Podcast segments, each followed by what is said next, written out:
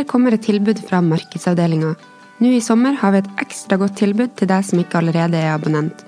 Du får lest DN i seks uker for kun 60 kroner. Bestill på dn.no. slash tilbud.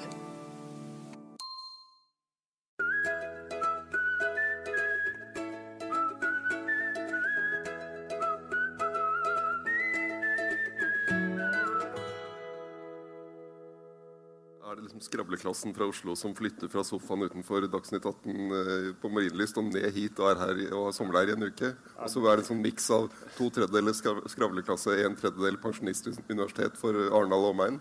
Nei, det er det ikke. Altså, Flesteparten av de som besøker arrangementene, er jo folk herfra. Det er helt vanlige samfunnsengasjerte mennesker. Altså, bare se på ungdomspartilederdebatten i går. Vi hadde i Kulturhuset. Det var 700-800 mennesker. Det har aldri vært så mye mennesker. De som satt i den salen, var politisk interessert ungdom og voksne som var interessert i ungdom. Det var ikke en eneste lobbyist der som var interessert. De var rett satt der i en og en halv til to timer og hørt på ungdomsdebatten. Det er jo helt fabelaktig. Men det er jo det som er dansegulvet. ikke sant? At vi har disse mange fasettene av demokrati. Men det er veldig viktig for oss. for er, altså Demokratiet består av partier og frivillighet, men det består også av eh, altså Lobbyister har også en naturlig plass i demokratiet, så de er hjertelig velkommen. Men de dominerer jo ikke bildet i det hele tatt her i Arendal, heldigvis. Eh, Det er eh, laget en undersøkelse om Arendalsuka eh, ved Høgskolen i Kristiania. Spørreundersøkelse fra, fra Arendalsuka i fjor. Resultatet er presentert en artikkel i Klassekampen i dag. Der konklusjonen fra Kjetil Raknes og hans kollega er at Arendalsuka gjenskaper forskjellene i Lobby-Norge. At de som har mye penger, LO, NHO, de store organisasjonene som kan lage store arrangementer, har lettest for å nå frem til de politikerne som kommer hit. Hva, Det tror jeg er riktig. ja. Men det er bare en liten del av Arendalsuka. Altså, de fleste som er her, er jo ikke her for å snakke med politikere. Han har konsentrert den undersøkelsen om Arendalsuka som lobbyarena. Og det er selvfølgelig en viktig bit for mange. Men nesten alle som er her, er jo ikke her for å snakke med Erna Solberg eller snakke med en politiker. De er jo her fordi at de skal presentere eh, organisasjonen sin eller en sak eller et eller annet. Og kanskje få et oppslag i media. Men det betyr at Raknesen undersøkelse er interessant på mange måter, men det gir bare et lite utsnitt av det Arendalsuka faktisk er. Og det har jeg sagt til Raknes, og det er han faktisk helt enig i. Men jeg synes en annen interessant funn i den undersøkelsen er jo at i fjor så ble spurt folk som var her, og 96% av de som var i Arendalsuka i 2017, sa at de ville komme tilbake i år. 96% Det er altså nesten alle som var her i fjor. Og det betyr jo at dette dansegulvet appellerer til mange. ikke sant? Det appellerer til langt flere enn bare lobbyistene, for å si det sånn. Som er en faktisk en forsvinnende liten del av Arendalsuka. Jeg traff ikke en eneste lobbyist i går. Jeg var rundt her i hele går. Jeg traff ikke en eneste lobbyist i går. Med, med 1100 arrangementer, hvor, hvor stort kan egentlig dette her bli? Hvor mye er det plass til?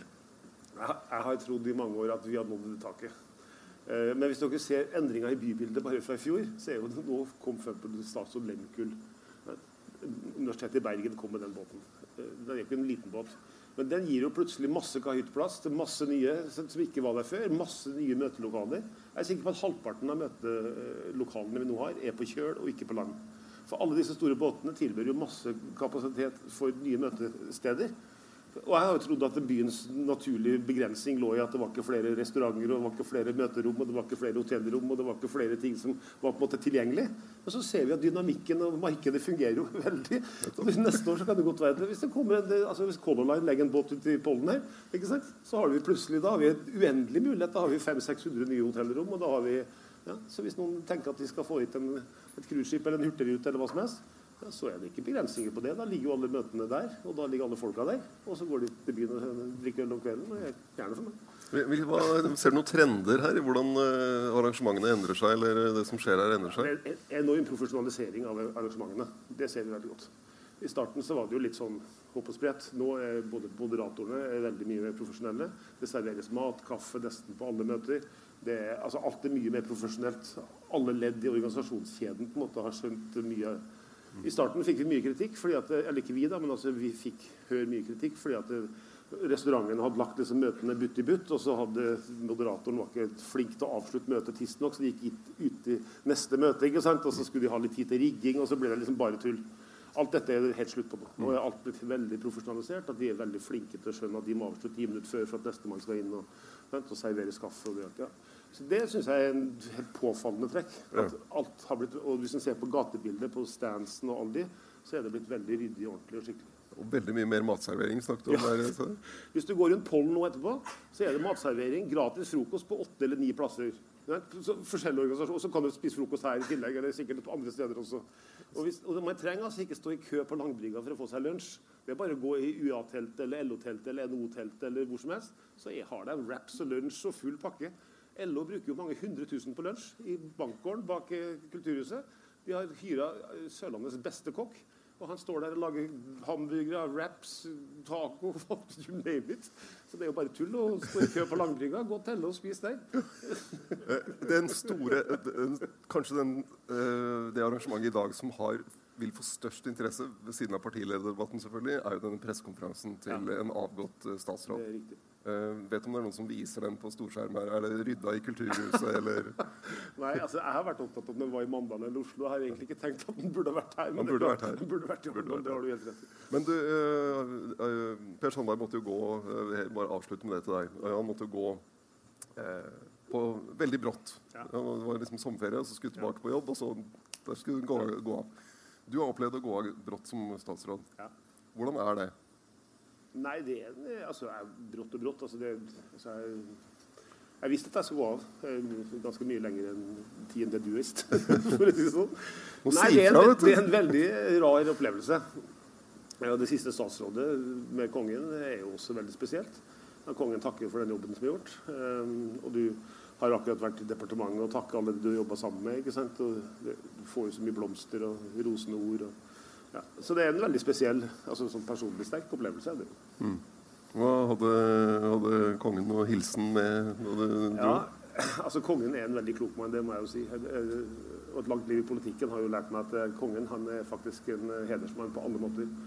Og da sa kongen til meg, som han sikkert har sagt til alle andre, men det var jo bare jeg som var i det statsrådet, så sa han at eh, jeg tror at Djupedal, at det som du kom til å tenke mest på når du har gått av, er alt det du ikke fikk sluttført. Ja. Og det er jo riktig. Når du er statsråd, så har du jo så mange baller i lufta. Du har så mange ting du har starta, du har så mange ting du gjerne vil sette ditt preg på. Og så plutselig er det noen andre som overtar hele porteføljen. Så det var en veldig klok ting. Det har jeg tenkt ofte på. At det var en klok ting av kongen å si til en statsråd som går av.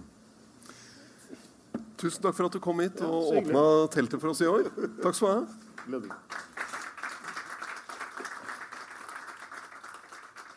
Jeg har en uh, gjest uh, til i dag. uh, som har nå, Han er på en måte introdusert gjennom det han serverer på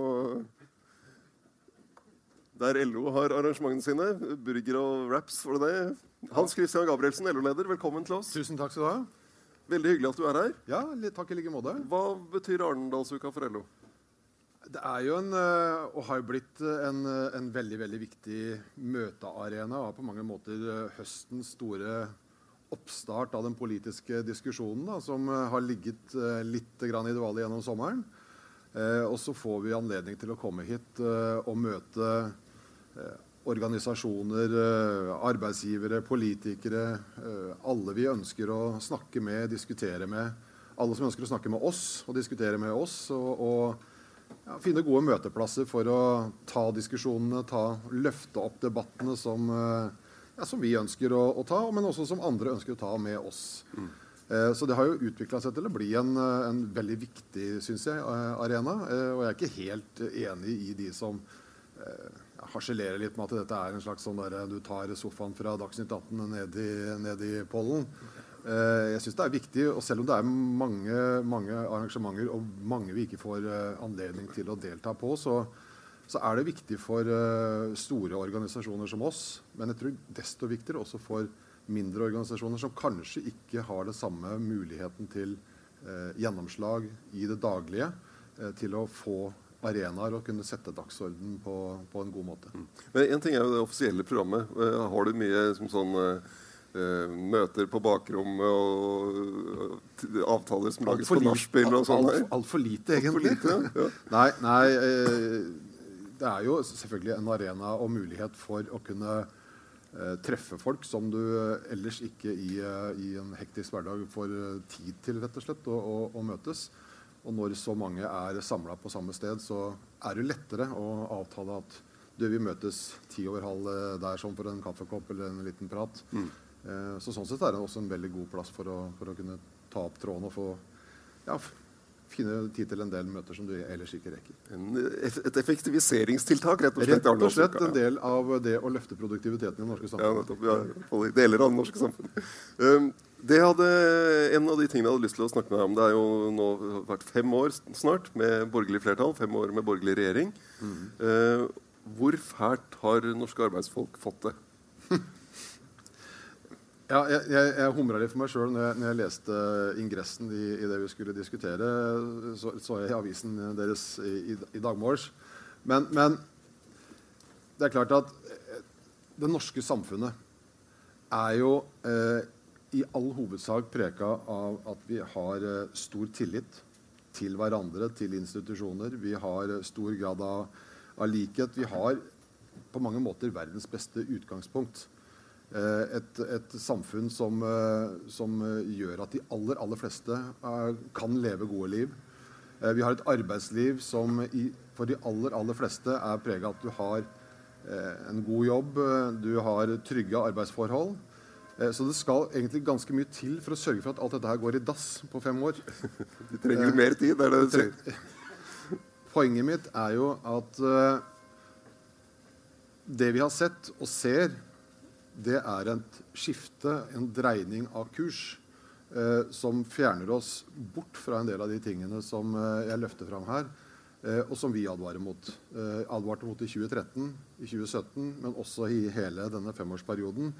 Og det handler, om, eh, det handler rett og slett om at vi ønsker jo å hegne om disse eh, viktige elementene som ikke bare vi, men som eh, det jeg kan kalle ikke akkurat sosialdemokratiske tenketanker som OECD, IMF osv., som peker til å se på hva er det som gjør at eh, et land som Norge, de nordiske landene, lykkes. Eh, Når disse tingene utfordres, som de har blitt gjort eh, gjennom denne perioden, med mer midlertidighet, mer innleie, bemanningsbransjer, det at vi får en sånn type dreining, det bidrar også til at de som har den type ansettelsesforhold, da, de vet vi at de er de samme som får mindre kompetansepåfyll. Det er de samme som har de mest utrygge forholdene. De som drar med seg disse tingene også inn i alderdommen i forhold til at de har andre pensjonsordninger. Og på den måten så svekkes det limet, altså den der limet i, eh, i samfunnet vårt. Eh, og det er ett element av det vi mener er, eh, som trekker samfunnet i feil retning. Eh, men som sagt, eh, du klarer ikke bare på fem år å pælme alle de gode tingene vi har eh, jobba fram i fellesskap eh, eh, til nå. Men jeg mener vi er, det er grunnlag fortsatt for å hevde det vi har påstått hele tiden, at vi nå går i feil retning. Og det er jeg bekymra for. Men det jeg lurer på er jo om du har noen tanker om hvorvidt dere har tegnet et for mørkt bilde av hva en borgerlig regjering ville gjøre med landet. Og jeg har et konkret eksempel. Eh, I valgkampen i fjor eh, så var eh, din nestleder eh, Peggy Felsvik ute i Klassekampen sammen med Arbeiderpartiets Marianne Martinsen og snakket om eh, pensjonsreformen og ny offentlig tjenestepensjon. Eh, og da sa Følsvik at det er ingen tvil om at det blir lettere å komme til enighet med en Arbeiderparti-regjering enn med dagens blå-blå. Og hvor står vi i dag? Det ble enighet om eh, offent ny offentlig tjenestepensjonsordning denne våren, som ble eh, enstemmig Eller som, som ble godkjent i uravstemning. uravstemning. Det var kanskje ikke så Var, var det en overdrivelse fra, fra Nei. Følsvik i fjor å si at Nei. det ville vært lettere med Arbeiderpartiet? Arbeiderpartiet fikk det jo ikke til da Jens Stoltenberg var eh, Jo, men altså, statsminister. Denne regjeringen har jo heller ikke fått det til før nå. Altså, De prøvde, eh, mislykkes, la det vekk, og så prøvde man igjen. Eh, og jeg vil si at eh, ja, det er tre parter som skal bli enige her. Eh, men det er klart det er det har noe med hele inngangen til eh, og hele tenkningen rundt det å gjøre. Eh, for det er klart at eh, det vi har opplevd eh, og opplever, det er jo eh, når, man, når man snakker om pensjonsreformen, eh, så er det veldig mange som tar utgangspunkt i at jo, men vi kan jo ikke gjøre det av hensyn til pensjonsreformen. F.eks. dette med å ivareta sliterne. Eh, sliterne, som jo er en separat diskusjon, egentlig, hvem er nå det? Eh, men altså, de, de finnes. Det å hensynta dem og sørge for at vi har eh, innretninger i det offentlige pensjonssystemet, men også i privat pensjonssystem, som vi gjorde i eh, tariffoppgjøret i år, eh, det er viktig for legitimiteten i, eh, i pensjonsreformen. For det er klart at Hvis det er store grupper arbeidstakere som opplever at det er en pensjonsreform som blir mer og mer og mer innretta på de av oss som kan stå lang, lenge i, i, arbeids, i, arbeidslivet for å kompensere for levealdersjustering. Så det er klart at Da svekker du også legitimiteten hvis disse ikke kan det, og samtidig skal altså straffes økonomisk for å måtte gå av tidlig. Eh, og Det var nok kanskje, eh, selv om jeg ikke skal røpe fra forhandlinger osv., men det er klart at den type forståelse er mye vanskeligere med den regjeringen vi har nå, enn en rød-grønn regjering ville vært. Men eh, du, du, med, du, snakket om arbeidsliv og midlertidighet og sånne ting. Mm. Eh, men ledighetstallene viser at nå er vi De går ned. Ja, eh, det er bra. Ja, 2,8% i juli i fjor. 2,5% i mm. år, mm. Nav-tallene. Mm. Eh, hvor ille er det i norsk arbeidsliv da, når du har så lav ledighet? Nei, det er noe med hvordan du møter ledigheten. Altså, husk på den oljekrisa, ledighetskrisa, eh, som traff oss. Vi har, vi har eh, lagt skylda på mye for regjeringen. Oljekrisa har vi ikke gitt skylda til eh, Erna Solberg for. Eh, det fortjener de ikke. Det skyldes helt andre ting. Eh, men det er måten du møter det på, som jeg mener, og den kritikken mener jeg fortsatt står seg. Eh, det handler om hvor, liksom, hvor på er du eh, når du ser det som skjer. Dette advarte vi jo mot når vi så det komme, for det kom veldig fort. Eh, og så hadde vi en situasjon tilbake fra 2012-2013 hvor veldig mange oppdrag forsvant ut av landet til Korea. Det er en separat diskusjon. Men dette kombinert med at du da fikk det brå fallet i oljepris, gjorde at vi så at verftene, at leverandørindustrien, at oljeselskapene ville redusere veldig veldig kjapt. Eh, og da eh, mener vi man var altfor altså Vi fikk en unødvendig, uh, unødvendig, høy ledighet til å begynne med. Uh, fordi man var for treige til å komme på med tiltak. Men hvis de hadde vært raskere, ja. så hadde du jo hadde du ikke da risikert mer at du hadde låst den arbeidskraften i den sektoren? Det, det, som, det som, skjedde, var jo, som vi så mange eksempler på, når vi skrev bl.a. om gasellebedriftene, de som mm. vokste raskest. Så spurte vi hva, liksom, hva betyr oljekrisen for deg. Det var et standardspørsmål vi hadde. Og det mange av de bedriftene som vokste, svarte, var at det har blitt mye lettere å få tak i kvalifisert arbeidskraft. Mm. så folk snudde seg rundt. Bedrifter begynte å gjøre andre ting. Ja, ja, ja. Og, det, og, det skal, og sånn skal det jo skje. Og sånn skal det være også i, i et arbeidsliv eh, som det norske. Eh, det skal være omstilling, og det skal skje endringer. Og alle bedrifter har ikke livets rett. Eh, men det vi ser nå, sant, det er at nå begynner det å bli manko på, sant, nå er det manko på arbeidskraft i den sektoren. Mm. Fordi altså, Vi visste, oljeselskapene visste, leverandørindustrien visste at det ville være behov for arbeidskraft framover. Men når man da liksom adresserte dette på den måten man gjorde, så skremmer jo det hvite ut av øya på ungdommen som skal søke seg inn i yrkeslivet framover. Og det er jo ikke til å undres over at mange av de da har valgt andre karriereveier, selv om det kommer til å være behov for dem. Eh, og det syns jeg var bekymringsfullt. Det andre var at eh, jeg hører ofte fra, fra, regjeringshold og fra andre at jo, men dere advarte jo mot eh, at vi kom til å være flomme over av midlertidig ansatte etter at vi, eh, de endra uh, svekka arbeidsmiljøloven i 2015.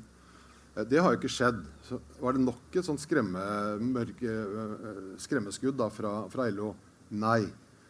For det første så har du jo gjennom denne perioden, selv om eh, nå ledigheten er på vei ned, det er veldig bra, eh, så har det jo i altfor liten grad blitt skapt nye jobber. Og når du ikke skaper jobber, vel, så skaper du heller ikke midlertidige jobber. Det er det ene. Så det er egentlig tre årsaker til det dette. Det andre er at i kommune- og fylkestingsvalget i 2015 så var det altså så mange kommuner som uh, valgte å gå ut og si at vi kommer til å forholde oss til dagens arbeidsmiljølov. Det er nummer to. Nummer tre, som kanskje er den mest bekymringsfulle uh, årsaken, skyldes at uh, midlertidige ansettelser har blitt erstatta av innleie og bemanningsbyråer. Og Det var jo også noe av årsaken til at den store kampen som sto tidligere i år knytta til bemanningsselskapene i, eh, i, i, Stortinget, var så viktig for seriøsiteten i bl.a. Bygge- og anleggsbransjen. Og Der må jeg si jeg er veldig glad for at vi klarte å få et stortingsflertall som så de utfordringene som nå var i ferd med å overta store deler av norsk arbeidsliv. Men, men ser du, det, det, er jo et forbud som kommer veldig brått på mange bedrifter. Man har ikke utredet konsekvensen av det, hva det betyr for en del små, små og mellomstore bedrifter at det plutselig blir et sånt forbud mot innleie. Ser du noen som helst problem med det? Altså, det var, er helt nødvendig å, å regulere det mer. For det, det er bare helt ferd med å skli helt ut. men, synes, men, det at Stortinget jo, men, bare kommer inn sånn nei, de kommer, jo ikke, de kommer jo ikke bare inn, inn sånn og smukk. Altså, det regjeringen gjorde eh, når bemanningsbransjen tapte i norsk rett tidligere i år altså I februar var det vel de tapte i, i Bergen tingrett. Da iler jo regjeringen til for å finne løsninger som kan eh, bidra til å løse opp dette for bemanningsbransjen. Det sier jo noe hvor lojaliteten og prioriteten ligger fra regjeringens side. Men det at det er nødvendig å regulere denne bransjen Vi kommer alltid til å ha behov for vikarer. Det er vi enige om. Om det er på sykdom eller svangerskapsvikarer, eller det er behov for å ha inn uh, for å ta unna topper osv. Det er jo ikke det dette handler om. Det er når det normale blir innleie, nulltimerskontrakter. Når det blir normalt i deler av arbeidslivet, da er vi tilbake til det utgangsspørsmålet ditt. Hvor jævlig har det egentlig blitt i norsk arbeidsliv? Vel, dette er et arbeidsliv som har utvikla seg veldig i feil retning de siste fem årene. Uh, jeg hadde en, et tema til under denne vignetten. Hvor fælt er det blitt? Uh, og det er uh, Jeg synes å starte sånn på en tirsdag ja, noe jeg vet du er veldig opptatt av, og LO er opptatt av, yrkesfagene. Ja. Der er det ny rekord i lærlingplasser i 2017. Mm. Det er flere som fullfører og tar fagbrev. Økning på 19% fra 2012 til 2017. regjeringen har skjerpet krav ved offentlig anbud om at det skal være bedrifter som tar inn lærlinger. Ja. De har økt tilskuddet til lærlinger med 21 000 per mm. kontrakt. Og det er flere som søker yrkesfag i 2018 ja. enn i fjor. Ja. Og det er yrkesfagenes år i år. Ja. Hvor fælt er det blitt med borgerlig regjering? Alle disse tingene har vi ligget alle, alle disse tingene Kjetil, har vi ligget på regjeringen på sammen med arbeidsgiversiden for, vil jeg si, for å få gjennomført. Eh, og det handler om eh, det behovet for arbeidskraft framover som jeg snakker om hvor vi har behov for om det er helsefagarbeidere eller om det er uh, fagarbeidere i bygg og anlegg. Det det viser, det er at politikk virker. Det viser at politikk virker. Når du setter fokus på det, når vi diskuterer dette, om det er her i Arendal, eller om det er på Dagsnytt 18 eller Politisk kvarter, eller at dere beskriver det i uh, avisen deres, at vi diskuterer det i det offentlige rom, så gir det gjenklang også eh, blant eh, ungdommen og foreldrene deres. Det er viktig. Men kanskje vel så viktig er også at vi ser kommuner som Skien, vi ser fylker som Telemark, som Oslo, som også stiller strenge krav til offentlige anbud. Som stiller krav om lærlinger, som stiller krav om seriøsitet, som stiller krav som, altså, som bidrar til å rydde vekk deler av det som tidligere har skremt ungdom vekk fra å søke. Mm. Du ser I Oslo nå så ser du økning i antall som søker seg inn på bygg og anlegg. I Telemark så er det for første gang nå altså, flere som søker inn mot uh, denne sektoren enn noen gang. Mm. Uh, og, og det, det, sier meg bare så helt klart at det at man rydder opp i sosial dumping, får et seriøst arbeidsliv, sørger for at det er lærlingeplass i andre enden, det gjør at, eh, og at vi snakker om behovet for det framover, gjør at ungdommen søker seg, eh, søker seg, dit. For det er klart sånn at kan du tenke deg, eh, altså Jeg har tok fagbrev sjøl. Da var det jo litt andre, annet enn, enn sånn det er i dag. Eh, da var det ett år på skole, og så var det resten i bedrift, og så var det lærlingskole osv. Men det er klart, hvis det hadde vært sånn at uh, den unge håpefulle hadde søkt seg inn på studieforberedende og så fått beskjed etter to år at du, vet du hva, neste år så er det ikke noe, det ikke, vi har ikke noe tredjeklasse her. Mm. Blitt opprør på... Da hadde det jo vært, hadde vært fakkeltog fra Blommenholm og inn til Oslo. ikke sant? Uh, men det at de ikke... Tesla-tog. Tesla-tog, ikke sant? Med au pairer ved siden av. Uh, det er klart at hadde, hadde, men, men, det at det ikke er lærlingeplass, det har vi sagt på at jo, men men sånn er det jo. ikke sant? Vi kan jo ikke forlange at Men, men nå, nå, blir det bedre? Og, og dere har ligget på regjeringsrommet. men dere, altså, regjeringen har også vært med der? Eller? Ja, jo, og de skal ha honnør for å bidra til, uh, til å gjøre det. Og det at vi også fikk yrkesfagenes år, det at vi nå har jobba kontinuerlig med, med, å løfte yrkesfagenes plass, Men, men, vi er ikke ferdig. Vi må også se på hele utdanningsløpet. For dette handler, om, dette handler også om frafall i videregående skole osv. Mm. Lærlingeplass må det være der. Så vi må sørge for at de som starter et yrkesfaglig løp, kan få sluttført uh, utdanninga si. Men vi må også gjøre det på en slik måte at, uh, at det ikke oppleves som du låser deg inne i et blindspor. Mm. Sånn at du har muligheten til å kunne gå videre gjennom høyere utdanning osv. Så, videre. så er, vi er ikke ferdige på noen måte. Men det viser altså bare hvor viktig politikk er, og at politikk faktisk virker når du setter fokus på det. Hva, hva er det peneste du kan si om dagens regjering? um, dette må jeg virkelig tenke meg om. Uh, du kan få ha det litt i bakhodet. Ja. Uh, så spør jeg deg om ja. en bok som er kommet til Raknes og Bård Vegar Solhjell har skrevet om lobbyisme. Ja. Og Der kommer de med noen, noen spark til LO. mener at dere er for innadvendte. Uh, har jo litt med dette forholdet til Arbeiderpartiet å gjøre. Men uh, et eksempel som ble trukket frem her, var uh, eh, NHO og den årskonferansen. Veldig utadvendt. Fyller Oslo Spektrum, setter dagsorden i, i ja, ja, flere dager rundt, egentlig. Mm. Mens dere drar opp på Gol og har kartellkonferanse og lukker dere inne i badstua. Er det, har, har Bård Vegar vært med der? Det, det, dette er bare ting vi har lest om i bøker. Ja, ikke sant? Ja. Er dere for innadvendt? Du, eh, det er alltid, alltid, nyttig å få, få, litt sånne eksterne blikk på og, og, og synspunkter og råd. Eh, men jeg vil bare starte med å si at vi er jo en medlemsorganisasjon. Eh, først og fremst. Vi er jo til for medlemmene, de 930 000 medlemmene vi har. Så det er en sånn knapp million medlemmer som vi har et ansvar for, som vi skal løse eh, mest mulig for hver eneste dag. Eh, og det er de som er våre oppdragsgivere. Eh, det betyr jo nødvendigvis at du er nødt til å lytte til hva er det medlemmene er opptatt av. Eh, det betyr nødvendigvis at det er nødt til å kommunisere til medlemmene hva vi jobber med, hvordan vi jobber, hva vi lykkes med. Eh, og jeg, jeg vil jo også i litt sånn ubeskjeden si at det, det er jo ikke sånn at vi ikke har helt ubetydelig med gjennomslag. Eh, når du ser på eh, hvilke saker som, eh, som, har vært oppe selv under disse fem årene med denne regjeringen. Mm. men det er klart, vi skal alltid lytte til, lytte til gode råd. Uh, og det er som jeg sa, det er, det er nyttig, nyttig, å se det, men, men jeg, jeg, mener nok at vi må være begge deler. Vi må konsentrere oss og vi må kommunisere til medlemmene våre. Det er de som er oppdragsgiverne våre. og at politiske partier syns at det blir for innadvendt, altså det får jeg heller leve med. det. Apropos politiske partier. Arbeiderpartiet. Ja. nå er det jo noen målinger som viser litt fremgang. Ja tre målinger. Skulle komme, NRK skulle komme med en i dag eller i morgen, tror jeg. Så det blir en fjerde i så fall, hvis Arbeiderpartiet går frem der òg. Um, noe, hva tenker du om Arbeiderpartiet for høsten nå? Det har jo vært et, et tungt førstehalvår. Ja. Det, altså det, jeg tror eh, Jeg tror alle, alle, alle ser jo eh, vi, Hvis vi tenker tilbake for et år siden, da når vi var her for et år siden, mm. Eh, og den perioden vi har bak oss, har det selvfølgelig vært svært krevende.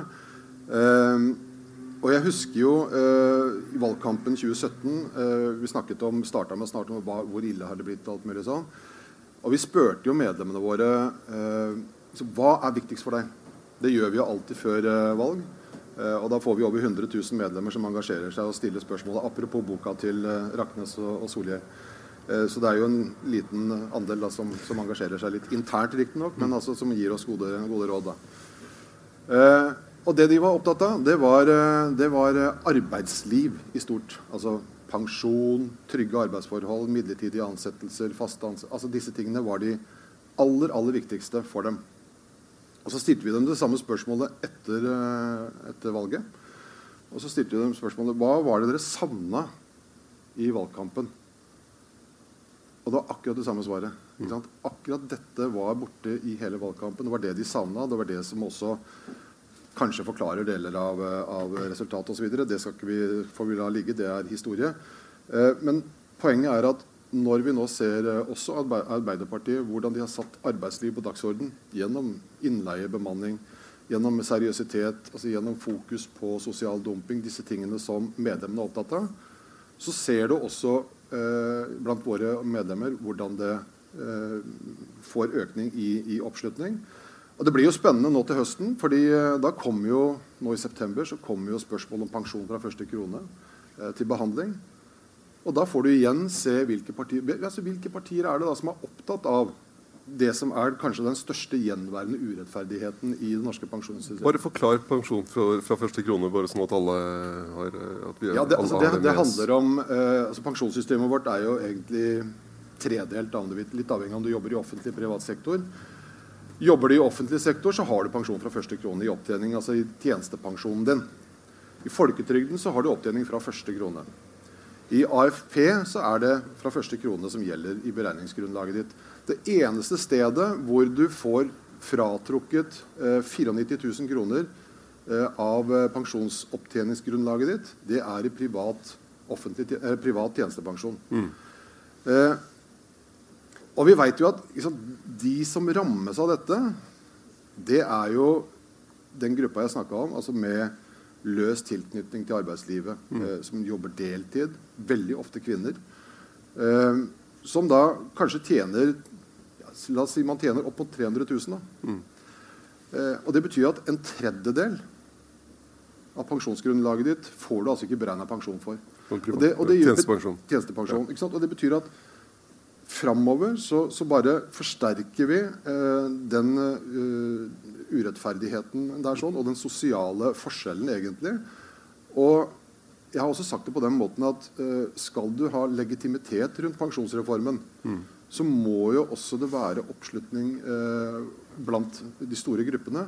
Og hvis dette får lov til å bare sementeres og forsterke seg, mm. vel, så er det også en utfordring for bærekraften i hele pensjonssystemet. Derfor er det også det så viktig. Mm. Men først og fremst så handler det rett og slett om eh, rettferdighet. Jeg syns det er blodig urettferdig at så mange, opp mot en million arbeidstakere, faktisk ikke skal få opptjening fra første krone. Uh, vi må, jeg, jeg, litt mer om Arbeiderpartiet, og så skal du få lov til å si noe pent om regjeringen helt til slutt. Hvis du fortsatt har det i bakhodet. Eh, og det, det, er, eh, det, var en sak i VG i sommer om eh, Arbeiderpartiets landsmøte neste år og valg av ny, eh, ny leder, eller ja, Skal det bli to nestledere eller ikke? Eh, og LO-lederen har jo ofte vært leder av valgkomiteen uh, på Arbeiderpartiets landsmøter. og Der sto det at dette vil du kanskje ikke være neste år. Nå får du anledning til å fortelle alt, alt om, dette, om de vurderingene du gjør rundt, uh, rundt, det. Ja, ikke sant? Uh, du, vet du hva? I den grad det spørsmålet kommer, så skal jeg svare de som eventuelt stiller meg det spørsmålet. Så får, uh, jeg har stilt deg det spørsmålet ja, det, det er Har ikke jeg injurierende kraft her, liksom? det, det, er det, det er det landsstyret som, som, får ta stilling til. Så den diskusjonen får vi ta når den kommer. Men bør det være to nestledere? Nei, Det får landsstyret og, og, landsmøtet ta stilling til når det kommer. Det skal jeg ikke ha noe mening om nå. Ok, Nå skal du få lov til å si det peneste du kan si om regjeringen. Vær så god. Nei, eh, jeg syns eh, det peneste jeg vet eh, Nå skal jeg vakte meg vel for å finne eh, sånne superlativer om eh, noen regjering, egentlig. Men jeg sier eh, Altså, jeg synes det er bra at vi at vi i fellesskap nå også har eh, fokus på store eh, samfunnsmessige utfordringer, f.eks. knytta til, eh, til, kompetanse. Eh, jeg er